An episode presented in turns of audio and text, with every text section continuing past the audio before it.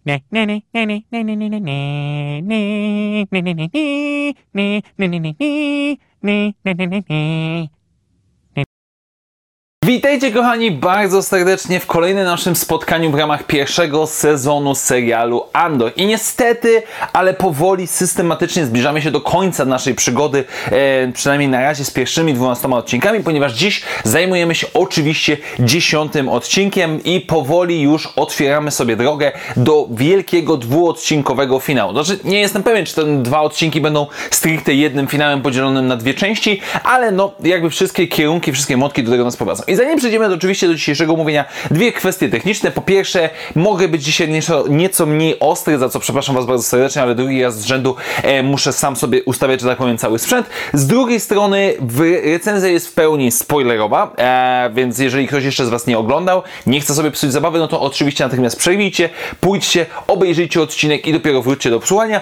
A jeżeli Wam nie przeszkadza, to i tak nadal obejrzyjcie odcinek i dopiero posłuchajcie tego, co mam do powiedzenia. I standardowo dzisiaj również będziemy, e, będę starał się podejść do tematu e, dwuczęściowo. Z jednej strony warunki techniczne, powiedzmy, e, odcinka, jak on jest zaprezentowany, jak się prezentuje. Z drugiej strony poszczególne wątki, trzy główne, które tak naprawdę pojawiają nam się w tym odcinku. Jeżeli chodzi o kwestię tematyczną, techniczną, przepraszam, jak i również o poszczególne wątki, jestem trochę nudny, a w sumie jak moi znajomi dosyć, dosyć mocno tutaj gdzieś tam żartowali, kiedy omawialiśmy sobie dzisiejszy odcinek, jest nudno, bo nadal jest świetnie, nadal jest rewelacyjnie. Andor w dziesiątym odcinku utrzymuje cały czas swój wysoki poziom zarówno pod kątem technicznym, jak i również pod względem scenariuszowym, czy też samej historii. Ale jeżeli chodzi o ten aspekt techniczny, bardzo, bardzo, bardzo ucieszyło mnie dzisiaj fakt tego, że e, oczywiście mieliśmy zamknięcie arku historycznego. I tak jak niektórzy z Was pisali, tak jak wiele osób zaznaczało, za co za wszelkie komentarze i tak dalej oczywiście serdecznie dziękuję,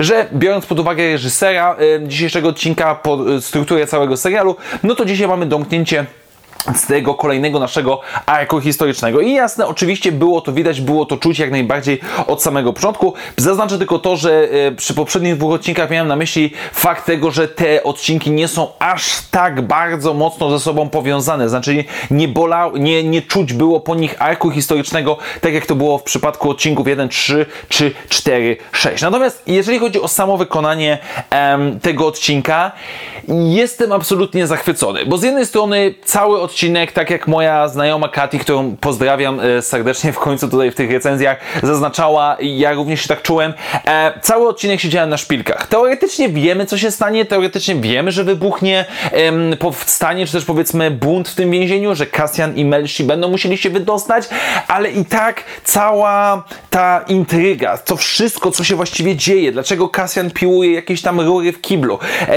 czy uda im się, w jaki sposób uda im się uciec e, przez przez powiedzmy windę, w jaki sposób nie. To wszystko sprawiało, że po prostu nie mogłem się doczekać i po prostu siedziałem cały podenerwowany, co będzie dalej, nawet bardziej niż powiedziałbym w trzecim odcinku, e, czy też ewentualnie nawet w szóstym odcinku. Generalnie rzecz ujmując, to wygląda rewelacyjnie. Również, co mnie niezwykle cieszy, to fakt tego, że w odcinku, który jest poświęcony akcji, no bo nie oszukujmy się, mamy tutaj naprawdę sporo akcji w porównaniu na przykład z dwoma poprzednimi, e, reżyser w połączeniu z operatorem kamery, z montażystą dali radę nam sensownie ukazać to wszystko, co mamy zobaczyć. Mamy poczucie pewnego rodzaju niepokoju, mamy pewnego rodzaju poczucie niepewności między poziomami, no bo całe więzienie nie wie o tym, że jest bunt, tylko dowiadują się systematycznie, ale również, również wiemy, kto gdzie jest, kto co robi, dlaczego znalazł się w tym miejscu, kto zginął, kto przeżył i tak dalej, i tak. I to jest świetnie wykonane. Bardzo mi się również podoba balansowanie tak zwaną shaky camera. Coś na co ja bardzo często narzekam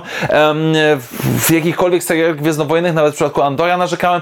Tutaj kiedy trzeba, robimy shaky kamerę, żeby podkreślić to, co mamy pokazać. Kiedy mamy się na czymś skupić, zatrzymujemy kamerę, jest ona stała, czy też powiedzmy jest stabilna i to naprawdę działa rewelacyjnie. Oczywiście dodatkowo w całym odcinku rewelacyjną robotę robi muzyka, która po raz kolejny, szczególnie pod sam koniec, narzuca nam ton, czy też w pewien sposób oddaje nam emocje związane z bohaterami. Tak jak pod koniec odcinka trzeciego mieliśmy ostatnie dwie minuty tylko i wyłącznie muzykę, która pokazywała nam kolejny etap podróży Andora, tak tutaj mamy powiedzmy kolejny jego etap, ale przy innej muzyce, e, cała ucieczka, całe poczucie tej wolności, wyrwania się ludzi z tego wszystkiego. No i również mamy dwie sceny, główne sceny tak naprawdę, bo mamy poboczne jakieś tam pomniejsze, ale bardzo statyczne. Z jednej strony mamy Mon Mothmę, która rozmawia sobie na temat e, przyszłości finansowej e, rebelii, z jednej strony, z drugiej strony mamy Lutena, który rozmawia ze swoim informatorem.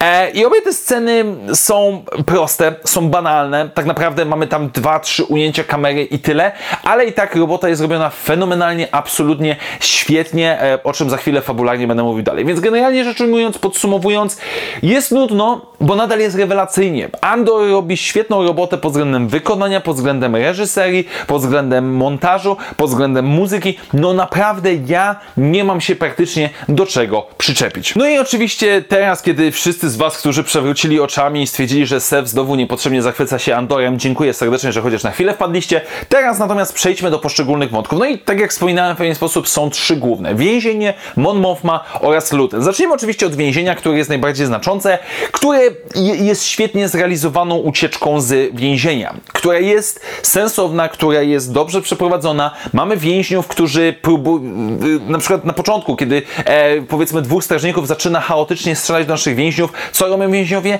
Biorą narzędzia, biorą jakieś części i rzucają w strażników. Jest to głupie, no teoretycznie wygląda to głupie, ale jest to jedyne, co mogą zrobić. Jedyny sposób działania. I cały efekt, powiedzmy, tego domina, kiedy jeden poziom się wydostaje i każdy kolejny systematycznie upada, aż do momentu, kiedy wszyscy zostają uwolnieni, jest wykonane jak najbardziej w porządku. Jednak ja chciałbym się skupić na um, trzech rzeczach. Po pierwsze, sama lokacja, samo ukazanie e, tego więzienia i stosunek sił. Ponieważ Andor bardzo mocno tutaj zaznacza kino i przekonuje go, że oni są przerażeni. Bardzo dobry dialog na zasadzie, że e, power, czyli powiedzmy władza, władza się nie boi, władza nie ma obawy, e, władza się nie waha, gdzie powiedzmy mamy na początku rozmowy tą i na początku odcinka tą ich rozmowę. I generalnie rzecz ujmując, jednak podoba mi się fakt tego, że nasi więźniowie nie mają na celu obalenia władzy w więzieniu. E, jakkolwiek to zabrzmi. Bo jeżeli przyjrzymy się, oczywiście dochodzi do starć między więźniami a i strażnikami, ginie, giną ludzie z jednej i z drugiej strony, ale z jednej strony widzimy, kiedy nasi e, więźniowie najpierw, znaczy przede wszystkim biegną na powierzchnię, biegną wydostać się z tego wszystkiego, jak i również z drugiej strony mamy scenę, która mi się strasznie podoba, kiedy grupka więźniów, e, nie więźniów, tylko strażników zamyka się w jakimś tam pomieszczeniu i siedzą cicho, byle tylko ci więźniowie ich nie zauważyli. Co bardzo mi się podoba, bo dodaje pewnego rodzaju takiego ludzkiego aspektu. Z jednej strony ci więźniowie, jasne, mogą być źli i na pewno są źli na tych strażników, ale nie są na nich źli za, za codzienne zachowania, bo tak naprawdę ich nie, oni nie mają żadnych interakcji. To nie jest tak, jak czasami mamy w jakichś filmach amerykańskich jakąś scenę buntu w więzieniu i mamy ten więzień i ten konkretny strażnik mają ze sobą kosę. Tutaj czegoś takiego nie ma, bo nie mogło być. Z drugiej strony ci e, strażnicy imperialni to nie są powiedzmy jednowymiarowi złole, którzy o, trzeba zabijać, tam trzeba tych więźniów uspokoić, tylko wychodzą z prostego założenia, za mało nam płacą, za mało nas jest, żeby cokolwiek zrobić, więc spróbujmy to przetrwać i tyle, tak? Nie, nie będziemy tutaj kozaczyć, nie będziemy nic robić, bo nie oszukujmy się, nie mamy szans. I to jest, to jest realistyczne, to jest jak najbardziej w porządku. Z drugiej strony oczywiście mamy tych więźniów, którzy za wszelką cenę chcą się wydostać, bo dla nich to jest najważniejsze. Poczucie, to, które spowodowało, dlaczego cały ten bunt ruszył, czyli, że my stąd nie wyjdziemy. To, że albo przypadkowo, albo nieprzypadkowo wyślą nas do tego samego więzienia, albo do innego więzienia. Generalnie nie wyjdziemy z paki w żaden sposób. To było to. Oni nie mieli może do końca kosy, wydaje mi się, z imperialnymi, tylko z tym, że nie mogą wyjść z tego systemu, że system ich oszukał w ten sposób.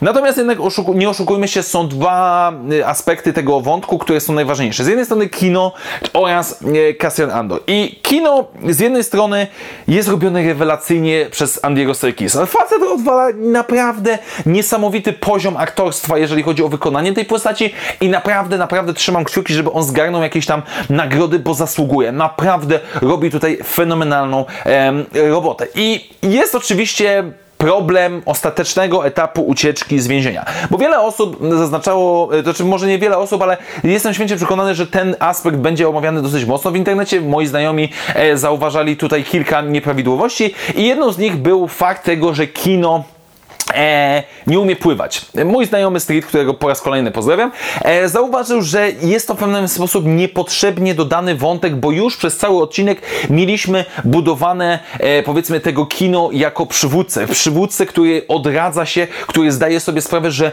może inspirować innych, że może być przyszłym, może nie liderem rebelii, ale kimś, kto powiedzmy inspiruje ludzi do działania, co bardzo ładnie jest oczywiście zaprezentowane e, w tym przypadku. Jednak i jakby według tej teorii dodanie tego wątku, że on nie umie pływać, jakby jest specy nie, e, specjalnym, przesadnym podbijaniem dramaturgii do góry. Dla mnie nie działa to w ten sposób. Dla mnie kino, które nie umie yy, pływać, jest świadomym wyborem. Znaczy się, dlatego jest mu tak ciężko przekonać się do ucieczki, ponieważ wie, że dla niego nie ma ucieczki. Jest ciężko mu na początku mówić całą tą przemowę, bo wie, że on się z tego nie wydostanie. I musi pogodzić się, czy to samemu, czy też z pomocą Andora, z tym, że może zrobić coś dobrego, że może pomóc innym ludziom, bo dla niego i tak już nie ma ucieczki. I tak, i tak to się wydarzy. E, I w pewien sposób godzi się ze swoim losem. E, I dla mnie to pasuje. Jakby dla mnie fakt tego, że kino zdaje sobie sprawę, że no jedyny sposób, żeby się wydostać, to jest przez wodę, a ja tych kilku kilometrów, bo też niektórzy zauważali, że to jest bardzo duży dystans do pływania, ale jak spauzujecie sobie w odpowiednim momencie, to widać, że brzeg, czy też jakaś linia brzegowa jest odległa o kilka kilometrów od więzienia, nadal duży dystans do przypłynięcia, ale da się to zrobić, więc e, niektórzy na to zwracali uwagę. Na przykład moja znajoma Katy, którą drugi raz pozdrawiam, bo e, nigdy wcześniej, mimo rozmów wszelakich, jej nie pozdrawiałem. Ale wracając do tematu, kino moim zdaniem właśnie był świadomy tego. I kiedy na samym końcu zdajemy sobie sprawę, że tak błaha rzecz jak pływanie uniemożliwia mu wydostanie się, dla mnie plusuje on w pewien sposób jako ten człowiek, który poświęca się, który mimo wie, że nic z tego nie będzie miał na samym końcu, zdaje sobie sprawę, czy godzi się z tym, że lepiej zginąć próbując, niż zginąć i nic nie robić. Z drugiej strony mamy Kasjana. I Kasjan generalnie tutaj znów po raz trzeci wspomina swoją znajomą Katy, bo przed chwilą o tym rozmawialiśmy. Wiele osób e, dosyć często zaznaczało w różnych dyskusjach dookoła tego serialu, że Kasjan jest postacią nie pierwszoplanową, że on generalnie to w momentami praktycznie go nie ma w tym serialu, że pojawiają się inni bohaterowie, przyjmują światło sceniczne itd., tak itd. Tak Mogę zrozumieć takie podejście, jednak dzisiejszy odcinek po raz kolejny nam pokazuje że nie jest to niedopatrzenie ze względem Andora, względem jego postaci, tylko przemyślana wydaje mi się decyzja, ponieważ Cassian Andor jest przywódcą, jest dowódcą, jest podoficerem, który potrafi przemyśleć plan, który potrafi zrealizować plan i który potrafi zainspirować i przekonać do niego ludzi. Kino wyłącznie na początku odcinka, jak i później z przemową jest tego najlepszym dowodem, że Cassian inspiruje ludzi do działania, że ma tą wolę. Tylko z drugiej strony Cassian nie jest bohaterem okładkowym. To nie jest bohater z plakatów propagandowych. To nie jest koleś, który odnajduje się w tym wszystkim. On jest dosłownie tym podoficerem albo jakimś oficerem niższego stopnia, który jest tym koniem roboczym, jedną z podstawowych elementów całej struktury. Jasne, możemy mieć sobie księżniczkę Leję, która, e, której powiedzmy twarz, e, głos, przemowy inspirują całą galaktykę, ale to Kasjan w tym błocie głównie pocie krwi i łzach na polu bitwy, czy też ewentualnie w czasie czasie ucieczki z więzienia. On jest tym, który napędza ludzi, który zachęca ich do działania. I to jest właśnie ta ten, ta, ta przewaga, znaczy może nie tyle przewaga, ten aspekt Kasjana, który może sprawiać, że na pierwszy rzut oka on się nam nie wydaje takim typowym bohaterem, bo on nie jest bohaterem ciągnącym do przodu, on jest cichym bohaterem, on jest kimś, kto działa z tyłu, robi to fenomenalnie, ale no nie jest tym, który trafia na okładki, czasopism i tak dalej. I moim zdaniem ten odcinek bardzo dobrze to pokazuje. Widać również, że całkiem nieźle pływa, no i na samym końcu gdzieś z Melszym uciekają. W jaki sposób połączą się z rebelią, z Lutenem czy z kimkolwiek innym. Ciężko jest mi powiedzieć, zobaczymy, ale sam fakt tego, jak jest wykonane całe to ucieczka z więzienia pod względem e, choreografii, pod względem walki, pod względem chaosu kontrolowanego, który tutaj wszędzie mamy, i, I, bardzo mi się to podoba. I bardzo mi się podoba to, jak sprytnie i sensownie połączono z jednej strony akcję, z drugiej strony przesłanie, czy też powiedzmy fabułę, jak i również naszych bohaterów, którzy w tym wszystkim się kompilują. Naprawdę, naprawdę wielkie ukłony i, i zadowolenie z mojej strony, jeżeli chodzi o ten aspekt, o cały ten wątek. Z drugiej jednak strony rozumiem niektóre um, uwagi, ale którzy mogą mieć niektórzy z Was, e, bo rzeczywiście jest tutaj kilka takich rzeczy, które w pewien sposób możemy się troszeczkę czepiać, e, czy uważać, że coś jest nie do końca dopracowane, ale i tak, i tak nadal wygląda to moim zdaniem naprawdę rewelacyjnie. Kolejny wątek e, pomniejszy, ale absolutnie rewelacyjny to jest znów Mon Mothma. I Mon Mothma, tak jak wspominałem w poprzedniej recenzji, cały czas czas siedzi w tej swojej złotej klatce. Cały czas chciałaby wyrwać się z tego, chciałaby wiedzieć, wyjść z tego cienia i pokazać, kim tak naprawdę jest. A w tym odcinku znów po raz kolejny musi zadać sobie pytanie, jak wiele jest w stanie zrobić dla rebelii. Ponieważ samo spotkanie jest po pierwsze bardzo dobrze napisane, jest bardzo dobrze nakręcone, uczucie niepewności i rosnące obrzydzenie względem e, pana Rudego Daw Dawo, chyba jeżeli dobrze pamiętam, e, który nam przychodzi, który no, jest biznesmenem, nie oszukujmy się. I tutaj zadajemy sobie jedno zasadnicze pytanie. Czy Mon Mothma sprzeda tak naprawdę swoją córkę za hajs dla rebelii? No bo mamy już potwierdzenie, którego ja nie byłem wcześniej pewien, jakby zakładałem różne rzeczy, ale teraz widzimy, mamy już potwierdzenie na 100%, że jej małżeństwo było czysto ceremonialne. Wynikało z pewnego rodzaju tradycji i możemy spokojnie założyć, że całe jej małżeństwo od początku nie było zbyt udane. E, pozdrawiam Sylwię i, Wułę, którzy osta- moi znajomi, którzy ostatnio próbowali mnie do tego przekonać. Teraz mamy już ostateczny dowód, więc zgadzam się z wami całkowicie.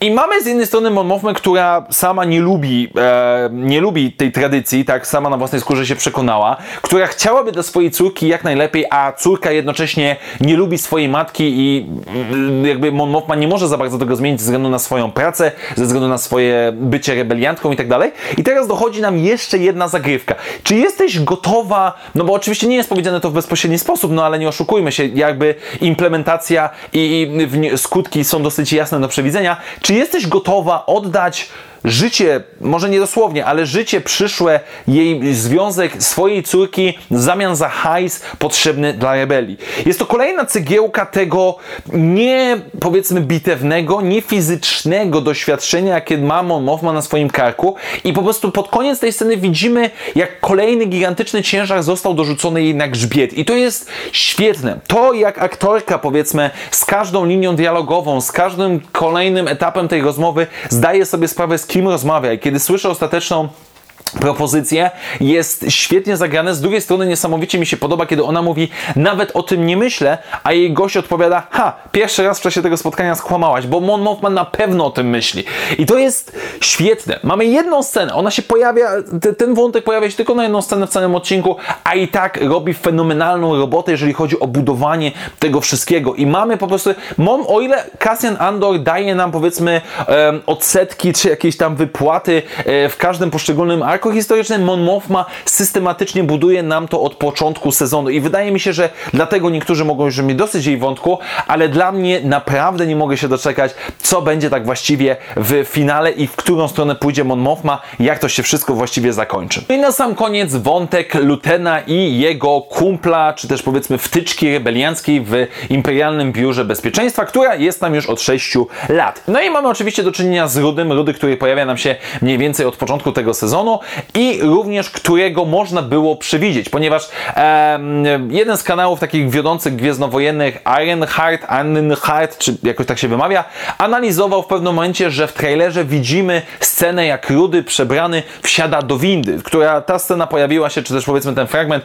pojawił się w dzisiejszym odcinku, więc można było połączyć jakiś sposób kropki, że on będzie istotny, że może będzie wtyczką, no i właśnie jest tutaj wtyką. Nie będę kłamał z drugiej strony, kiedy Luten powiedział, że od roku nie miałem z tą osobą kontaktu, to zacząłem się zastanawiać, kto to może być, no ale potem okazało się, że jest Rudy. No i mamy tą scenę, która po pierwsze bardzo ładnie nam pokazuje Coruscant, w ogóle cała droga tego naszego informatora na spotkanie pokazuje nam te podziemia, czy też niższe poziomy Coruscant w cudowny moim zdaniem sposób. Z drugiej jednak strony mamy tak naprawdę teatr jednego aktora. Skarsgård, czyli aktor wcielający się w Lutena, Żaden ze mnie specjalista, ale moim zdaniem wybija on się tutaj na absolutne szczyty aktorskie. To, jak on zaprezentował ten monolog, bo nie mówię o całym dialogu, tylko o tym jednym fragmencie, który był jego mocnym monologiem, jest kapitalne, jest fenomenalne, jest cudowne.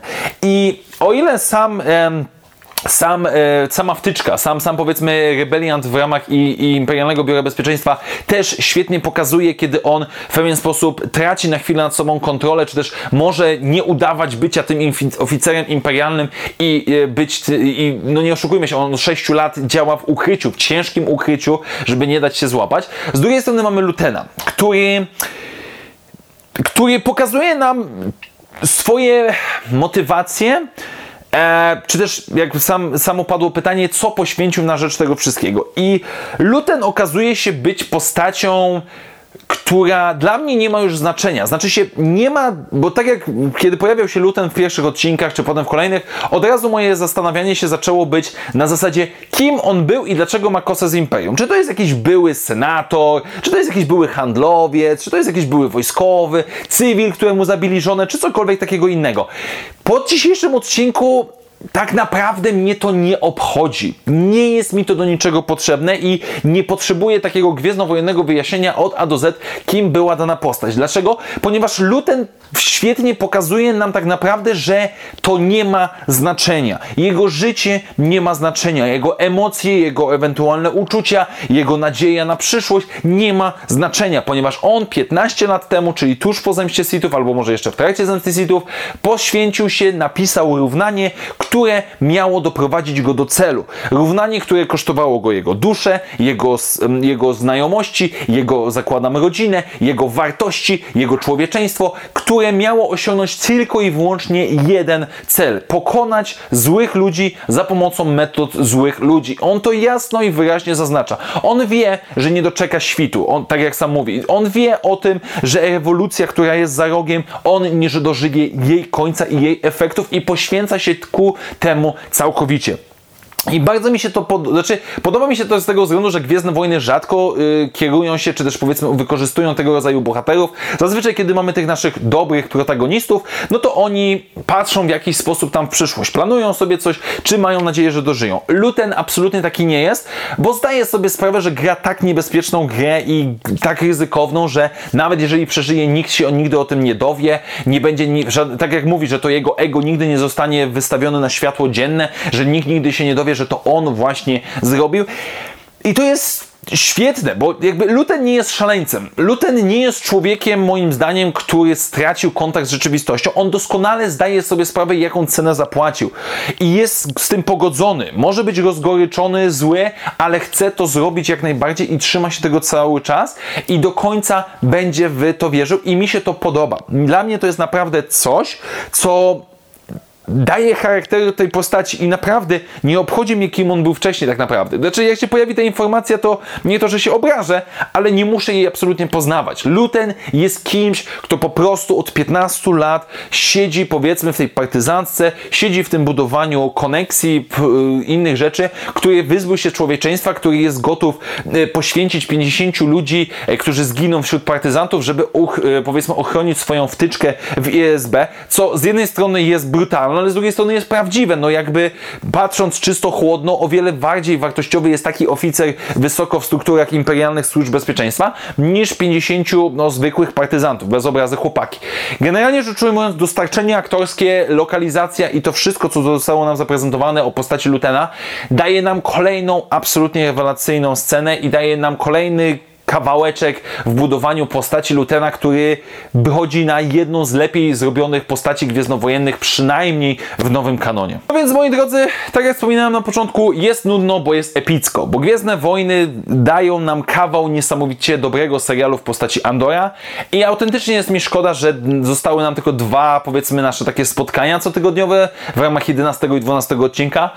Nie wiem, w którą stronę to pójdzie. Oczywiście na podstawie trailerów możemy zakładać, że Akasjan wróci w jakiś sposób na Ferix albo na Ferix wybuchną jakiegoś rodzaju zamieszki, które ostatecznie przekonają Cassiana do tego, żeby dołączyć do rebelii, ale jak to się będzie łączyło z Lutenem? Czy Luten przeżyje? Czy Mon Mothma sprzeda swoją córkę? Czy ewentualnie stanie się coś jeszcze innego? Nie wiem, jak to się potoczy i jestem, jestem zajarany, bo nie wiem. Jestem zajarany tym, że mogę czekać, że mam niepewność i że na, jak na szpilkach będę siedział na następnych dwóch odcinkach. Generalnie rzecz ujmując, jest fenomenalnie i cieszy mnie niezmiernie i naprawdę, naprawdę mam nadzieję, że jeszcze te dwa odcinki nie wywalą się w żaden sposób i dostaniemy cały jeden piękny sezon serialu Andor. Tak więc dziękuję Wam bardzo serdecznie, moi drodzy, za dzisiejsze spotkanie. Standardowo przypominam, że jeżeli podoba mi się to, co robię na kanale, możecie wesprzeć moją działalność, stawiając mi wirtualną kabę, do której link znajdziecie w opisie tego materiału. Jeszcze raz wielkie dzięki, do zobaczenia w następnych materiałach i jak zawsze niech moc będzie z Wami. Na razie, cześć!